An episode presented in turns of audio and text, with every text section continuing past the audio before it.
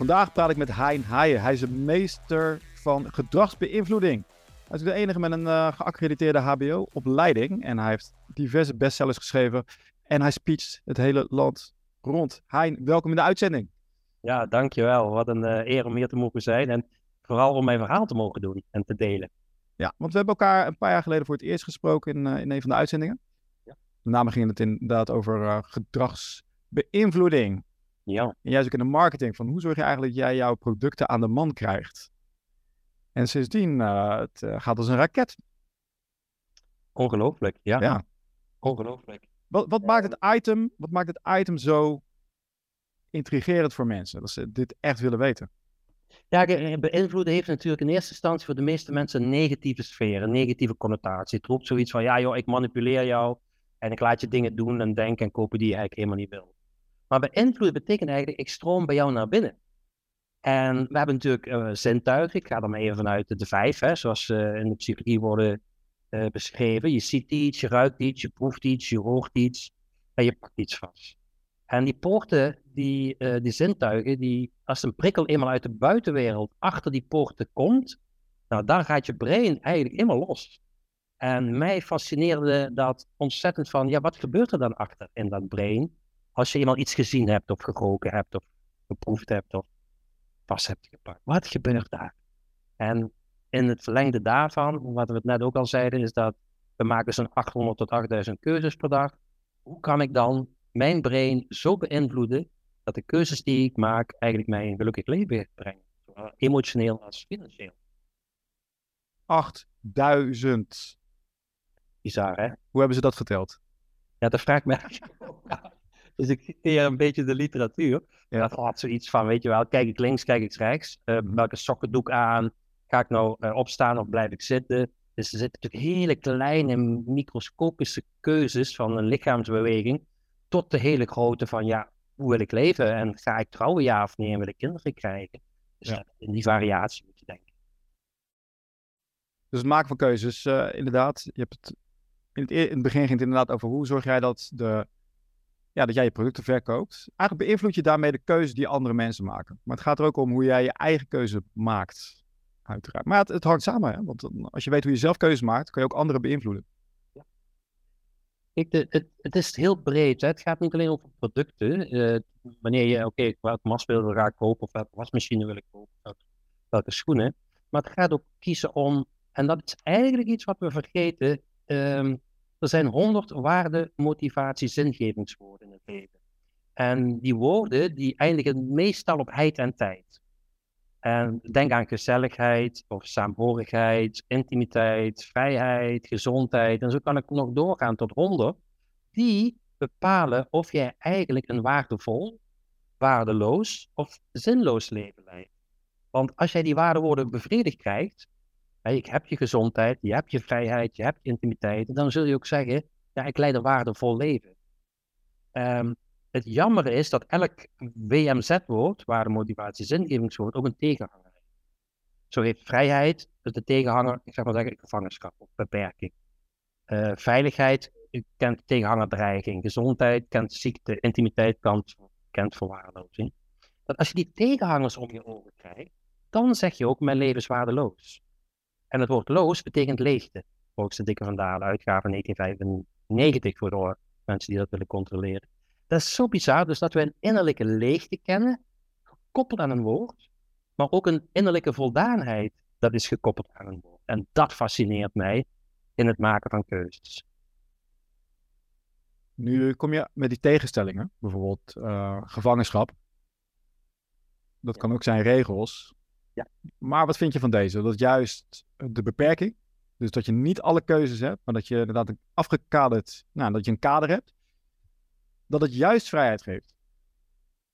Ja, precies. Want het woord vrijheid is dus een universeel waardemotivatiezingeving. Maar de tegenhanger is uniek. En de tegenhanger zegt ook iets over de norm, de gedragsregel van de waarde. Dat zijn de waarden en normen hè, die we graag in de maatschappij willen terugzien. Dus we willen allemaal vrijheid. Maar voor de een die voelt vrijheid als hij getrouwd is en heeft zes kinderen. En de ander voelt pas vrijheid als hij met een rugzak door Australië kan backpacken. Dus die norm die de waarde beschrijft is heel bepalend. En dan denken wij, oké, stel voor we zouden een relatie hebben, Alex. Hè, even, even gedacht. gedacht uh, wel een vrije gedachte meteen, maar oké. En jij gaat natuurlijk in die relatie ook voor vrijheid. Uh, en ik ook. Alleen ja, jij dacht inderdaad, we gaan backpacken. En ik dacht, ja, ik kan het ieder andere man of vrouw uh, op uh, zoektocht en het bed induiken, maar, die, maar wel. Ja. Dus die, die, die waarden en die normen moeten we heel goed in kaart brengen. En dat gebeurt nooit. Te weinig. Nou ja, ik zie wel dat het gebeurt. Ik zie wel duidelijk uh, online dat het, dat het wel een bepaalde kant op wordt gestuurd. Wat zie je? Uh, bijvoorbeeld nu is het uh, qua... Wat, ja, wat is nou het topic nu? Wat is een man, wat is een vrouw? Ja. Die grenzen die waren er. Want het is een man, het is een vrouw. En nu wordt het verwaterd met... Nee, volgens mij op de Radboud Universiteit, de website staat zelfs... Het ligt maar net aan hoe jij je voelt. Of Ja. je een man of een vrouw bent. En dat gevoel, hè, dat woord, ja, is een algemeen woord. Hoe zou je dat dan concreter beschrijven? Subjectieve perceptie. Ja, dat is perceptie. Ja. Dus kijk, hè, per keeper, ik, ik pers er doorheen en keeper, ik neem iets aan. Dus je kijkt. Nou, wat ik eigenlijk wil eh, zeggen is dat we hebben heel vaak over het woord gevoel. Maar het is zo'n weer zo'n algemeen woord. Maar over welk gevoel heb je het dan specifiek? En daar hebben we die heid- en tijdwoordjes voor. Die beschrijven vrijheid als gevoel. Die beschrijven intimiteit als gevoel. Het woord dekt natuurlijk niet de lading, maar het gevoel is een lichamelijke sensatie. De arousal, hè, noemen ze dat ook. Maar we hebben daar een woord voor bedacht om het te kunnen duiden. Maar het woord is niet het gevoel. Het gevoel is een lichamelijke sensatie. Ja, klopt. Dus hoe zou je dat willen omschrijven? Stel nou, ja, nou wat, wat is jouw visie daarop? Om dat wel concreet te maken. Ja, en daar begin ik, en daar heb ik mijn, uh, een uh, gedragsmodel voor ontwikkeld. Um, ik begin altijd bij de context. Uh, waarom? De context wordt vaak niet gezien. En dat noemen ze ook in de sociale psychologie de attributiefout. Dat als wij gedrag toeschrijven aan een persoon, dan schrijven we dat louter en alleen aan zijn persoonlijkheidskenmerken toe. Maar we vergeten de situatie waarin iemand verkeert. En we zien dat als je in een situatie zit, heeft dat als eerste invloed op jouw gedrag, op jouw voelen, op jouw denken. Heb je daar een uh, voorbeeld van? Ja, bijvoorbeeld um, als wij nu alle de minuut zouden getransporteerd worden in een oorlogsgebied, andere context, of we zitten hier in een land waar, uh, waar vrede is. Nou, als we in, de, in het oorlogsgebied zouden zitten, zou jij je compleet anders gaan gedragen. En mensen hebben niet in de gaten dat die, dat die omgeving dat eerste aanzetje is tot gedrag. Ja. En wat blijkt nou, um, door zal ik zeggen, mijn ervaring met psychologie en het lesgeven al 35 jaar, heb ik ontdekt dat er vijf bouwstenen zijn die onbewust in een context zitten. Zal ik ze even noemen? Ja, ik schrijf het driftig mee. Ja, de eerste bouwsteen van een context is fysisch. Er is een geur, er is een kleur, er is een temperatuur, er is een geluid, er zijn virussen, er zijn bacteriën, magnetische straling, UV-zonlicht en zwaartekracht. Je hebt geen idee, maar dat komt allemaal via de poorten van de zintuigen naar binnen. Je ruikt iets, je hoort iets, je pakt iets vast. De tweede bouwsteen van een uh, context is het fysieke, de materialen om je heen. Hout, steen, staal, ijzer, marmer. Kijk maar om je heen. De context wordt opgebouwd uit materiaal. Je kunt ook in een tent zitten of in een vijfsterrenhotel. Andere materialen. De derde bouwsteen van de context is het statistische. Met andere woorden, de getallen. Je omzet, je lichaamsgewicht, je lichaamslengte, de vierkante meters van je appartement, de hoogte, de breedte. Alles bestaat uit getallen. Je leeftijd, noem maar op. Je inkomen.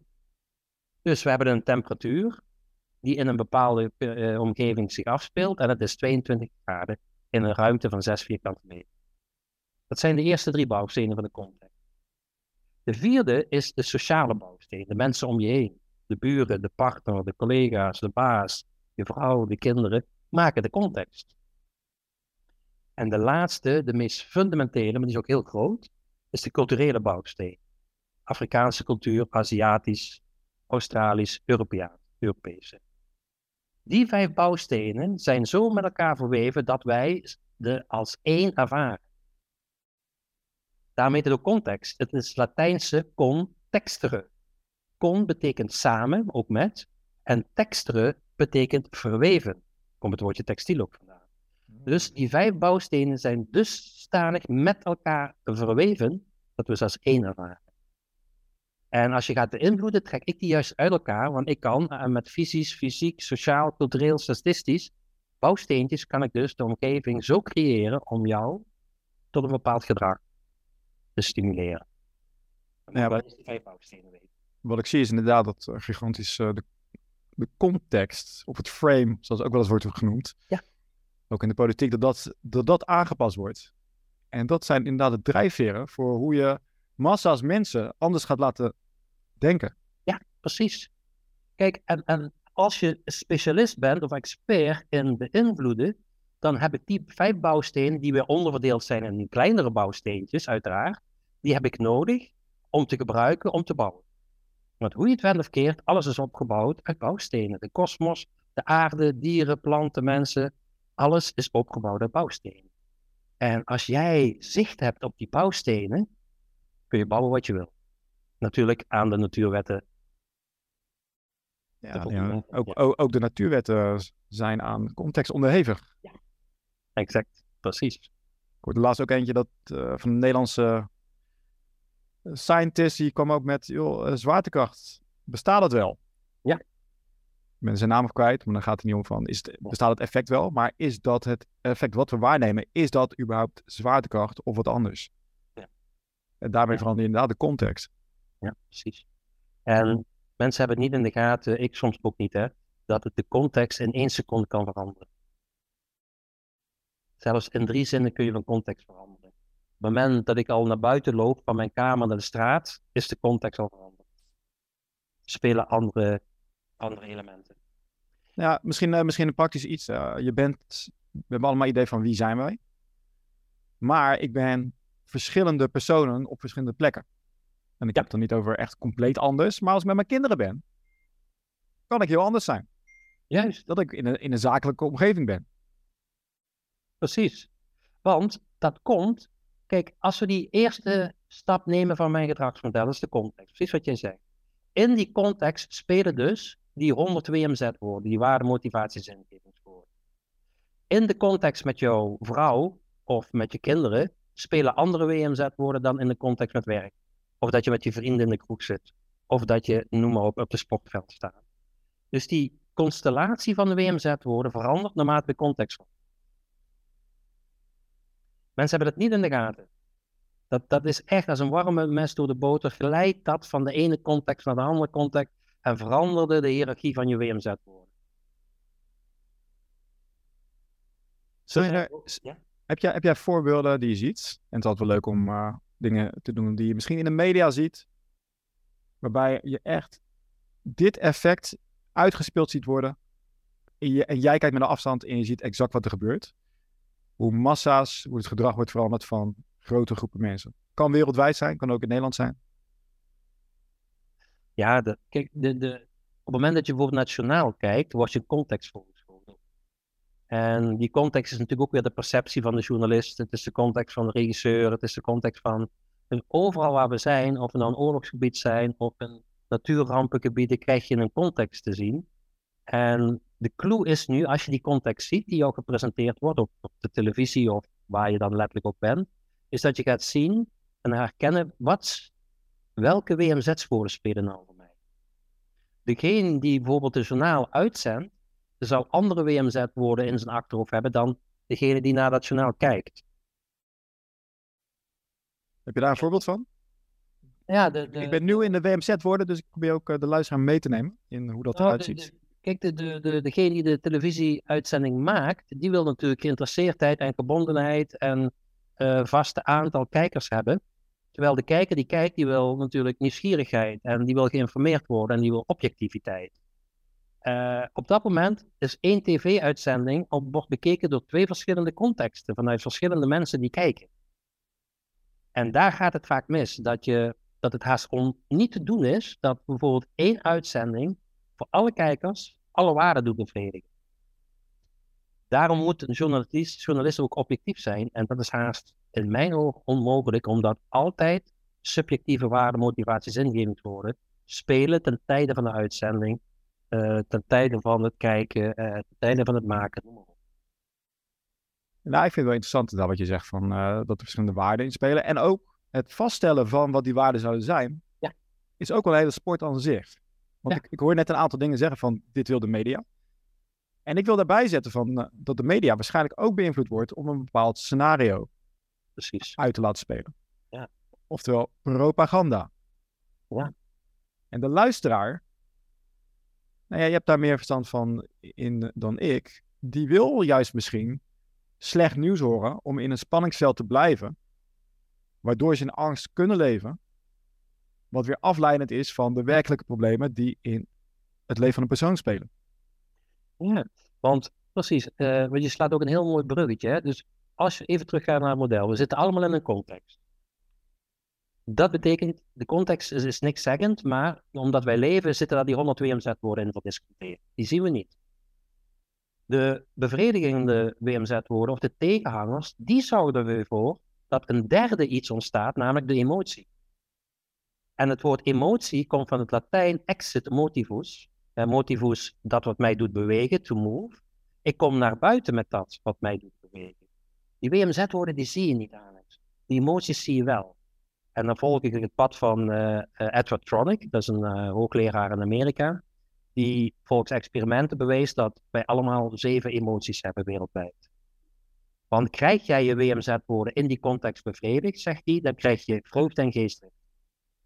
Krijg je de tegenhangers, dus geen gezondheid, maar ziekte, dan krijg je angst, verdriet, agressie en walging. Weet je nog niet wat er speelt en ga je op zoek naar je WMZ-woorden, je waarde, motivaties, ingevingswoorden, komt de emotie verbazing, de oriënterende emotie. Dus door te spelen in de context met die WMZ-woorden, roep ik automatisch bij mensen de emoties op. En we weten inderdaad dat angst en agressie langer blijft hangen en meer gewicht in de schade heeft dan vreugde en geestdrift. Want dat is een luchtige emotie. En daarom speelt de media ook in op angst, agressie, verdriet en walging. Want dat blijft langer hangen. Want dat willen we zien te voorkomen. En mensen doen er alles aan om dingen te voorkomen. Zijn nou een luchtige emotie? Geestdrift en vreugde, dat zijn luchtige emoties. En wat bedoel je met luchtig? Nou, ze voelen niet zo zwaar. Angst voelt zwaar. Ah, ja. Verdriet voelt zwaar. Je voelt je niet echt, je bent niet wat zwaarder, maar het voelt zwaarder. Ja. En ja. ja, vreugde is dan meer de luchtige, geestdrift, de luchtige emoties. Dus als we kijken naar de journalistiek, kun je ook zeggen, het is een, een soort feedback systeem, waarbij alles gaat leiden richting die negatieve spiraal. Ja, want daar ligt de focus. Wat moet ik hier zien te vermijden? Wat moet ik zien te voorkomen? Ja, maar ook voor de uitzenders, dat het automatisch gaat. Want die kijken natuurlijk ook van wat werkt. Nou, die negativiteit. Ja. Dus in alle gevallen gaat het richting die negativiteit. Daar kan je niks aan doen. Ja. Dat is wel, uh, wel duistere constatering, of niet? De, de, de wereld bestaat uit, uit licht en, en uit duisternis. Alleen, weet je, de, nou, die yin-yang principe, maar we moeten de balans zien te vinden. Ja. En dat slaat een beetje door naar die, inderdaad, naar dat, dat, dat, beetje, dat de zwaardere kant van het, uh, ja, van het leven. Um, hoe kunnen we nou die twee goed in balans krijgen? En dat is dus dan ook dan de balans tussen ziekte en gezondheid, en tussen vrijheid en beperking, en tussen veiligheid en dreiging. Dat we kennis en kunde gaan opdoen om die balans te creëren. En die kennis, die, ja, dat is, was je in het begin ook aan mij vroeg, dat is eigenlijk mijn motivator om uit te dragen. De balans zoeken in het leven. Want overal, of je nou in de economie kijkt, of in de biologie, of in de psychologie, het gaat om de homeostase, om de balans. Dat is in de economie ook, op zoek naar de balans. Nou ja, in de medische wereld ook, op zoek naar de balans. Als we het hebben over die positiviteit en negativiteit. Ja. Uh, heeft het te maken met balans? Of heeft het te maken met zorg dat jij op een goede manier je afschermt van die negativiteit. En als er negativiteit bij je binnenkomt, dat je heel goed weet dat het eigenlijk schijn is en dat je op dit moment in het leven niets doet. Dus je haalt die lading, wat je net aangaf, dat het zo zwaar is, die haal je meteen weg. Ja, het weg, als ik je goed bekijk, ik, voor, mij is het ook niet weghalen, uh, want het blijft. Alleen je moet aan, tegen, aan de andere kant de gelijke waardes uh, in die schaal gaan lijken, waardoor de balans komt. Want de balans is de output, hè? dat is het resultaat. En wat eraan vooraf gaat, is inderdaad dat je kennis en kunde gaat inzetten om die balans te creëren.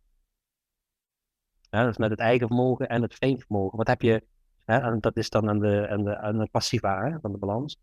Wat heb je zelf in je, in je vermogen aan kennis en kunde? En hoe kunnen anderen jou, het vreemd vermogen, helpen om die balans te creëren? En dat maakt ons tot sociale wezens. Ik heb jou nodig. Daar ben ik het helemaal mee eens. Ik zal een voorbeeld geven. Oké, de economie die wordt, uh, wordt aangetast. Wat je nu ziet is de, de gas, uh, de energieprijzen worden hoger. Oh, ik heb angst. Angst voor de toekomst. Ja. Voor wat gaat komen. Ja. Als je daar niet op let, dan zit je de hele tijd in de stress. Van, oh jee, dit gaat mis. Ja. Dus hoe ik hem zie is van, nee, let op. Uh, het is pas in de toekomst. Je weet niet wat er aan de hand is. Dus maak je er op dit moment geen zorgen om, maar kijk naar de mogelijkheden. Precies. Maar daarmee zie ik juist die balans niet, maar zie ik hem extreem naar de positieve, de resourcefulness, de vindingrijkheid, dat die veel groter moet zijn. Omdat die negatieve energie zo zwaar is. Ja, dat blokkeert. Dus het eigen vermogen moet vele malen hoger zijn dan uh, het vreemd vermogen. Om even die vergelijking door te gaan. Ja, en dat, dat eigen vermogen kun je natuurlijk uh, vergroten door gebruik te maken van het vreemd vermogen. Dus ik kan van jou leren. Ik kan van jou strategieën leren, van jouw alternatieven leren, van jouw creativiteit leren. Ja. Um, en in een bepaalde mate aan mijn eigen vermogen toevoegen, maar ook één en één is drie maken. Hè? Dus dat we uh, dat uh, samenbundelen tot, tot een nieuwe omgangsvorm uh, ja, met, met, met de dadelijk te hoge prijzen. Want wat wij niet willen, want je noemde het woord stress, hè? Um, de stressleer zegt het volgende. De mate van oncontroleerbaarheid, de mate van onvoorspelbaarheid, naar die toekomst toe wat je ook gebrek aan sociale steun, gebrek aan sociale vaardigheden en een starre perceptie, die zware perceptie van de situatie, dat doet de die-stress, de negatieve stress verhogen. Dus als we een antwoord vinden op die vijf, ja, dan kom je aan die luchtige kant van het leven, dan komt het in balans. Een gezonde mate van voorspelbaarheid, een gezonde mate van controleerbaarheid, sociale steun. Leer, blijf ontwikkelen, word sociaal vaardig en heb een, ja, een veelzijdige creatieve kijk op het leven. Ja, dat, dat, dat ook, hè. Van antwoord vinden op die vraag, maar soms heb je dat nog niet. Ja, dat Eh, dus dan, kan je, dan kan je stellen, ik heb stress. Maar wat ook, wat ook helpt, wat mij in ieder geval heeft geholpen. Ik hoorde eens een, een quote, ik weet niet meer van wie. Maar dat het vertrouwen in jezelf, dat het niet per se is van wat ik doe, dat is meteen goed of dat gaat goed. Maar het vertrouwen om met toekomstige problemen om te gaan. En daarmee hoef ik nog niet die antwoorden te hebben op die vragen. Maar kan ik toch wel die stress naar beneden brengen. Want ik heb een positieve verwachting. Ja, precies. Kijk, wat, wat jij ook net noemde al met die drijfveren. Je noemde drijfveren. Ja. En als ik lesgeef, vraag ik ook, en dat is dus uit de sociale psychologie, wereldwijd zijn er drie drijfveren. En als ik dat aan de mensen vraag, ja, dat zijn hoogopgeleide mensen, oudere mensen, ervaren mensen, jonge mensen, dan weten ze dat niet te hard te beantwoorden. En toch drijven ze jou voort.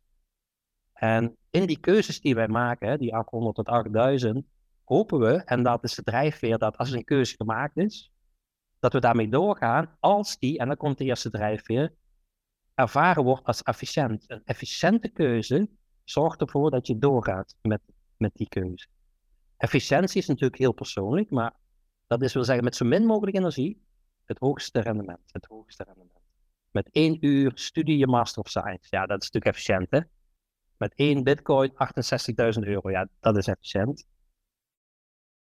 De tweede drijfveer, die uh, ervoor zorgt dat je doorgaat met die eenmaal gemaakte keuze, is dat je gewaardeerd wil worden. En met name door de mensen waarmee jij je het meest identificeert. Dat die zeggen, je kan je vader zijn, dat kan je moeder zijn, dat kan je oom zijn, goed gedaan Alex, dat heb je echt. Ik waardeer jouw keuze. En de derde, nou komt die, de derde drijfveer, daarmee gaan we door met die keuze, als het ons een positief zelfbeeld oplevert. Kijk mij nou eens. Ik heb het onder controle. Ik maak altijd de goede. Ik heb een positief zelfbeeld. En wat blijkt nou? Dat als jij een keuze hebt gemaakt en die voelt voor jou efficiënt, komt er dopamine vrij in jouw brein.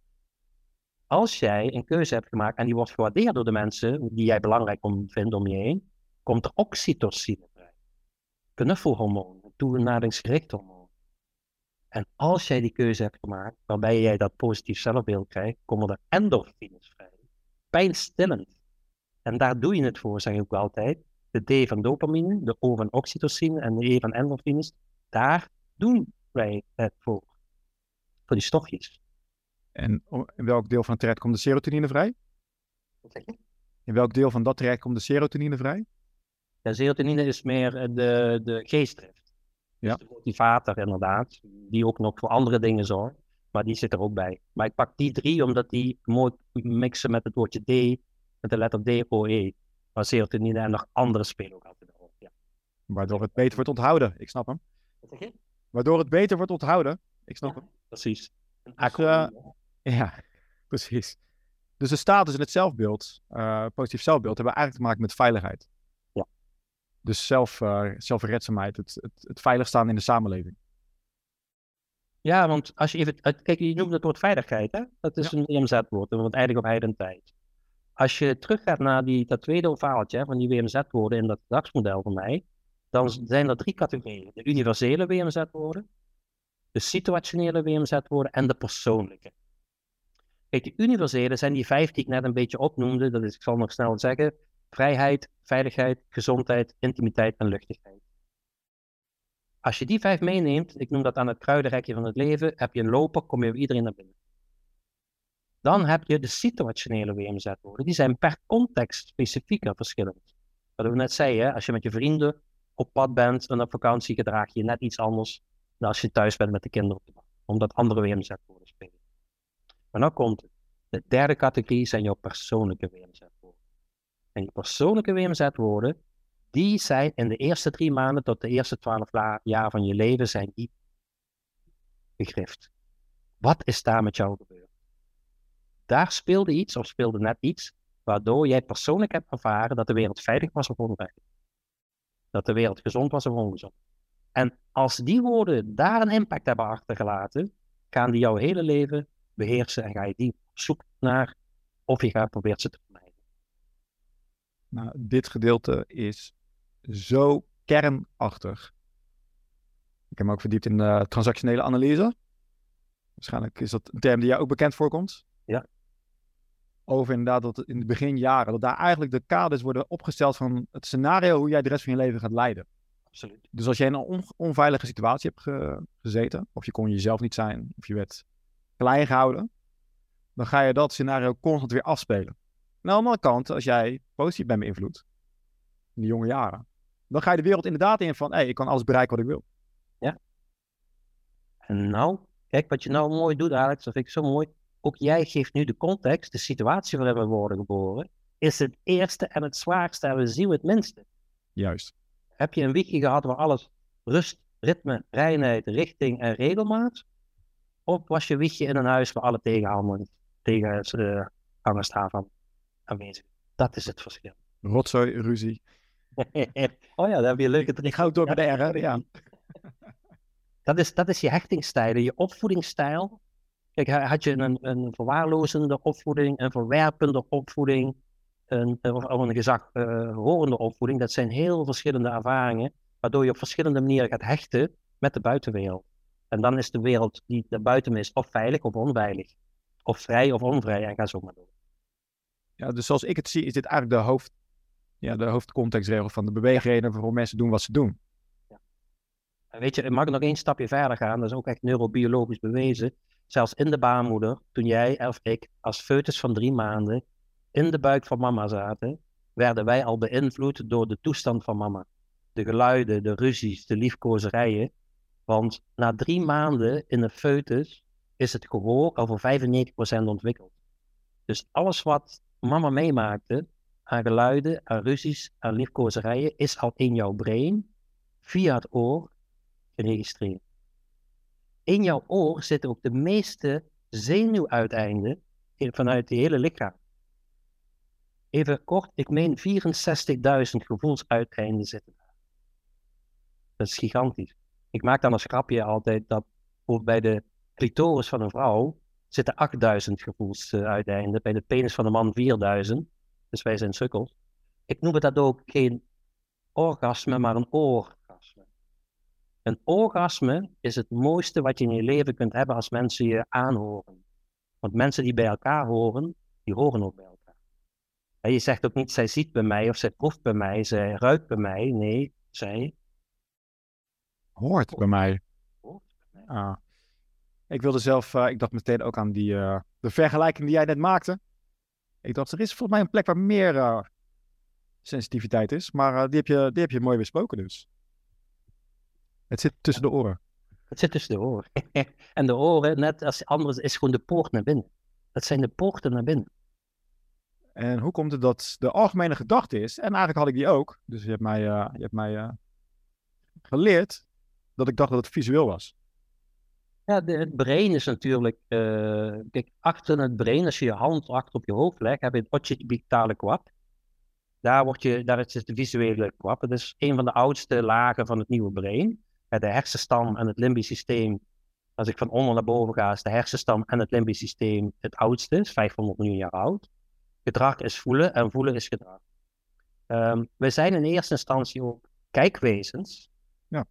En die emotionele laag van het brein is heel sterk gekoppeld aan de reuk en geluid. Kijk, je kunt koud kijken zonder gevoel. Je kijkt gewoon naar een beeld. Zet maar eens een televisie, spannende film en kijken zonder geluid. Dat maakt heel veel uit, klopt. Dat maakt heel veel uit. Ja. De muziek, hè, bam, bam, bam, bam, dang, dang, dang. Dat Maakt de context. Oh ja. Ja, dat, dat maakt de diepgang van het beeld, want het visuele brein is plat. En dimensie geeft geluid. En natuurlijk is dat een mix tussen je ziet iets en dan kom je weer uit iets, je proeft iets. Dat is, dat is de, ja, de eenheid van de zintuigen. We nemen niet apart zintuigelijk waar. Wij nemen op- als één zintuigelijk waar. Dus dat wat je ziet beïnvloedt weer je smaak, dat wat je hoort beïnvloedt je reuk. Het, die zintuigen beïnvloeden elkaar gigantisch. Ik, eh, ik vind dit fascinerend. Ik had hem nooit zo gehoord. Dus, eh, dus in ieder geval dank daarvoor.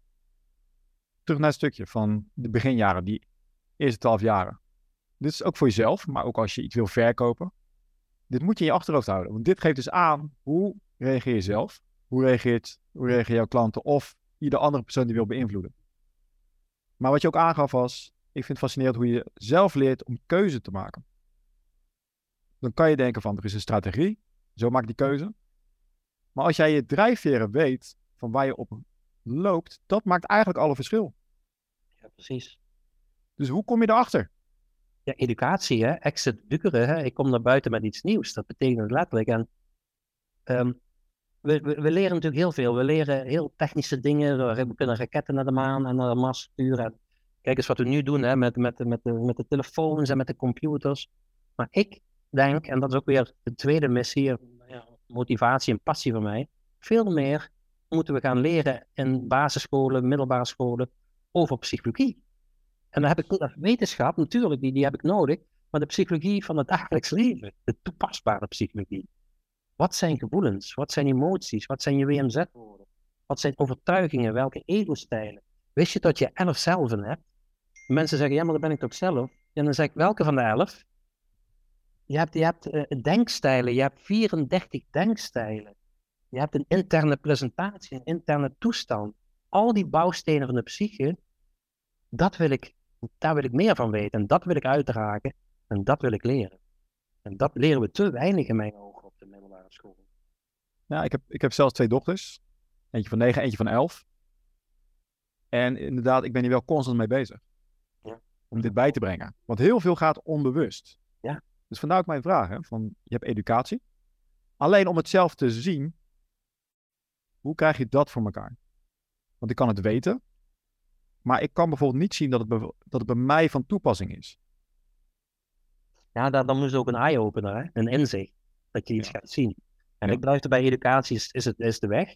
En natuurlijk, niet elk educatief project moet hetzelfde zijn. Er moet haast een beetje tailor-made zijn voor de persoon die geholpen wordt tot inzicht te komen. Want ehm, het vervelende is, als je even terug naar dat brein gaat, hè, in de neocortex, dat is de laatste laag van het brein, de derde laag, naast, naast hersenstam en limbisch systeem, Mhm. eh, zitten taalneuronen. In de limbisch systeem en de hersenstam zitten geen taalneuronen, slechts dunne uitlopers. Dus daarom vinden we ook zo, benoem, zo moeilijk te benoemen wat een gevoel is. Leg een blinde maar de kleur geel eens uit. Of iemand die nog nooit verliefd is geweest, moet jij eens uitleggen taaltechnisch wat verliefdheid is. Dus de taal spreken, de samenhorigheid creëren tussen docent en leerling, maakt het educatieve traject. Ik moet taal neerzetten waarin de leerling kan verwerken qua snelheid en qua inzicht wat ik aan stof wil brengen. Dus dat is echt een vak. De docent, hij doseert, is echt een vak. En ik denk dat ook ouders, jij hebt het al van nature in je, moeten worden geleerd. Wat het, ja, ik, ik ben niet van nature in me. Ja, als ik zie wat je met je kinderen, wat je ze al leert, ja, ja. snap je het. Ja. En dat wordt te weinig, de opvoeding wordt dan, ik zeg het even heel zwart-wit, omdat de realiteit veel complexer, wordt te weinig, krijgt te weinig diepgang. Te veel sturing qua oppervlakkelijk gedrag, doe dit, doe dit niet.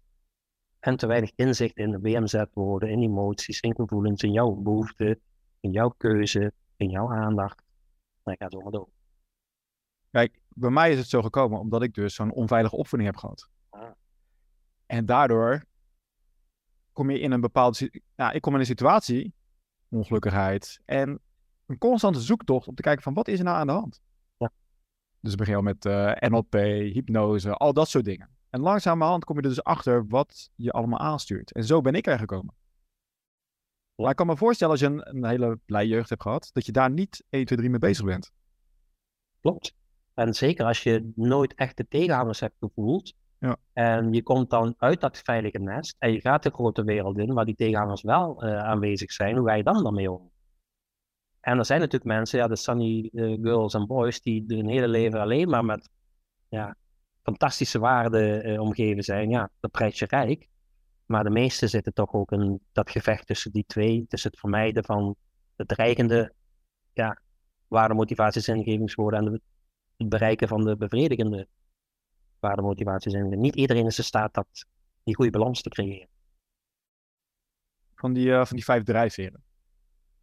Uh, kan je stellen dat sta uh, status, wat denken anderen over mij, dat dat de, hoofd, dat dat de hoofddrijfveer is? Ja, de, wat denken anderen over mij is, is, ja. is, is natuurlijk wel een overtuiging. Hè? Je vraagt je iets af. Ja, ik, heb het, ik, heb het, ik heb het idee dat dit veruit op nummer 1 staat.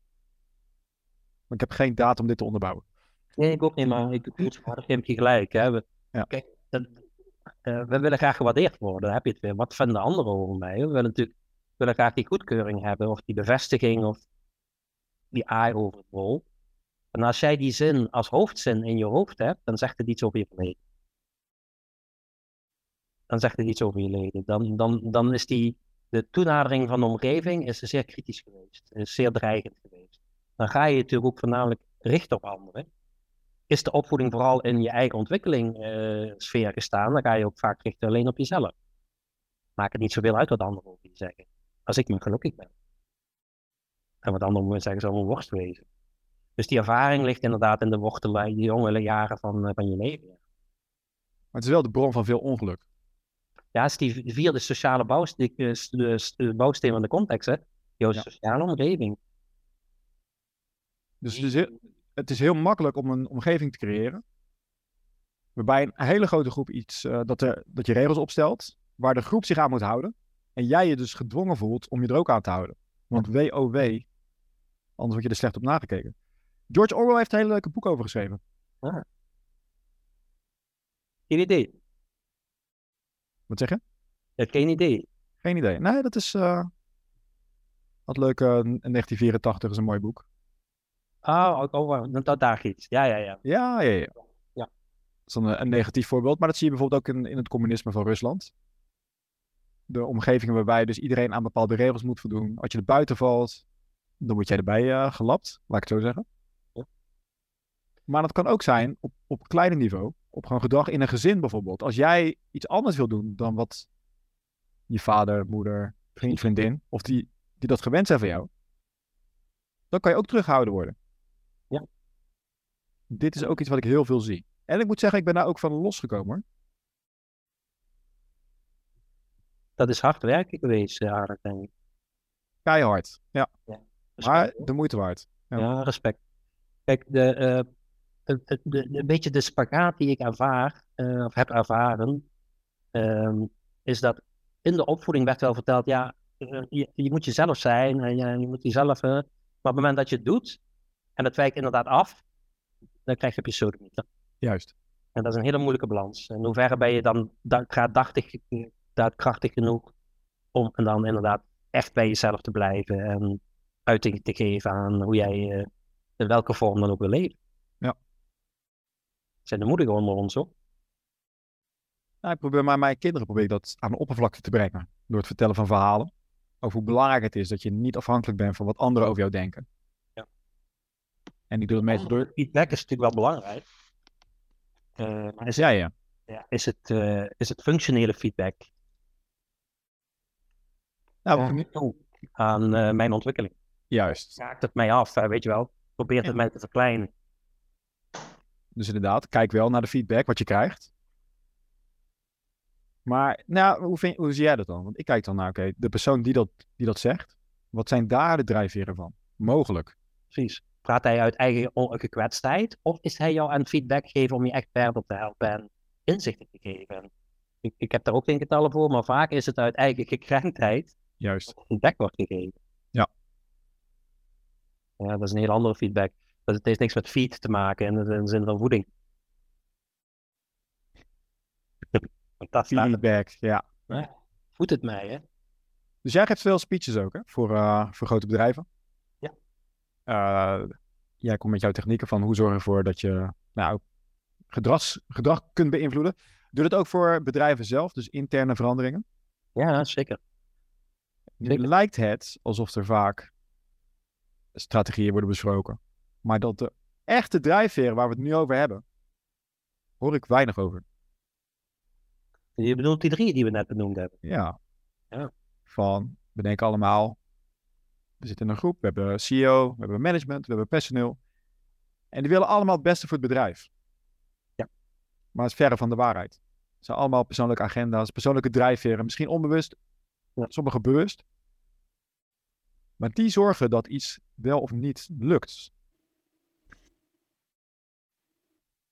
Als je mij snapt. Dus ik vraag me af, hoe, hoe, breng jij zoiets? Um, ja, mijn, mijn, mijn gedragsmodel helpt natuurlijk. Ik kan hem nu niet laten zien, maar dat zijn elf stappen die je gaat doorlopen. Mm -hmm. En in dat gedragsmodel zit natuurlijk ook iets heel moois. Dus dat in het leven zijn we bewust, onbewust, altijd op zoek naar rendement. Zowel emotioneel rendement als financieel rendement. Wat het dan ook voor iemand mag zijn. Hè? Bij de ene is het een miljoen en de ander is het een euro. En dat emotionele rendement is natuurlijk moeilijker in een, in een getal uit te drukken. Dat is een gevoel. Dat je, dat je rendeert. Om die te halen, hè, dat rendement wat het bedrijf wil, het rendement wat de leidinggevenden willen, het rendement wat de medewerkers willen, moet je dat verhaal duidelijk hebben. Wat zij daaronder verstaan. En om dat verhaal duidelijk te maken, en ik heb dat net ook in een post gedaan, uh, moet je heel goed kunnen luisteren. Ik weet het een cliché, maar luisteren is echt een vak. En in dat luisteren, als je het hebt over die transactionele analyse, is ethisch verantwoord denken is het uitgangspunt, het beginpunt. Dat je ook werkelijk ethisch zuiver luistert naar iemand zijn waardes. Naar iemand zijn streven wat betreft rendement, emotioneel en financieel. En als we die drie bij elkaar hebben, wat het bedrijf wil, wat de leidinggevenden willen en wat de mensen willen, dan kunnen we een strategie bedenken, zodat ook alle drie deze fenomenen in een bedrijf renderen. En dat begint met goed communiceren. Dus het is een leuke. Hè? Je, hebt, uh, je moet luisteren.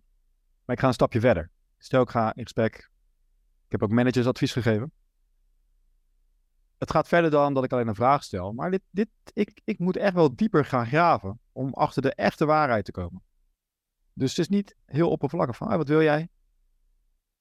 Nee, dan moet je een beetje, ja, soms een beetje een spanningsveld creëren. Waardoor er veel meer informatie wordt vrijgegeven. Dat klopt. En vooral die informatie die uh, uit de bronnen van het verleden komt. Want een bepaalde leiderstijl, heeft heeft weer of stijl, heeft met, met de persoon en zijn verleden te maken.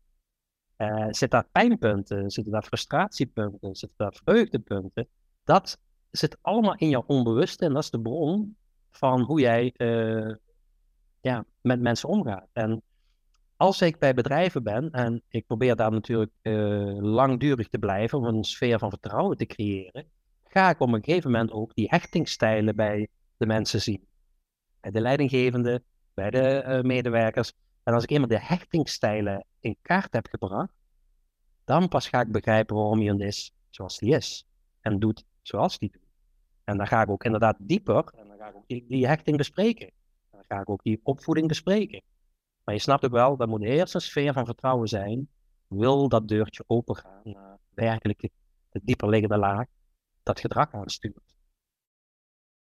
Dus dat, dat, dat is vet. ja, het, het echte luisteren is veel meer dan van vertel je verhaal maar. Nee, dit gaat een stukje vertrouwen. Echt achter die diepere laag komen. Dus Ja. eh, Ja, en daar heb ik een vragensetje voor. En dat, dat, dat is mijn product natuurlijk, onder andere. Dat, eh, dat vragensetje, dat maakt het dat die deurtjes één voor één open gaan.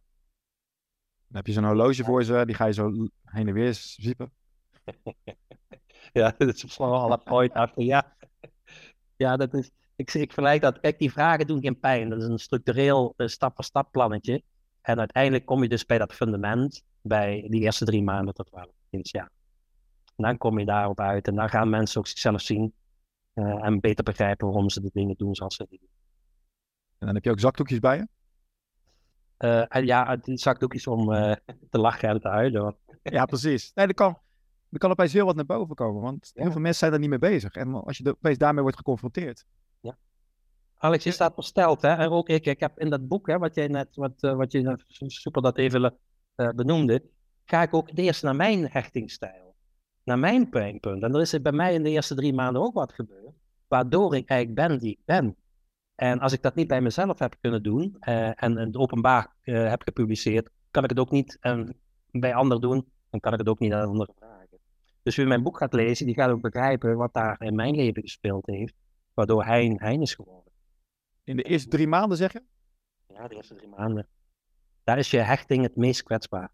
Oké. Dan moet je ook maar net achtergekomen dan. Gelukkig heb ik eh, ouders die nog heel lang hebben geleefd. Mijn vader is vorig jaar overleden, maar die was 98. Mijn moeder leeft nog. Maar door mijn studie psychologie ben ik dus gaan vragen, mam en pap, wat is daar gebeurd? En zij hadden het natuurlijk ook niet in de gaten, maar door het door te vragen en te onderbouwen, kwamen we erachter wat bij mij na twee maanden gebeurd is. Waardoor ik dus ja, een bepaalde manier ben getraumatiseerd, want dat zijn we allemaal, een wat meer dan de ander.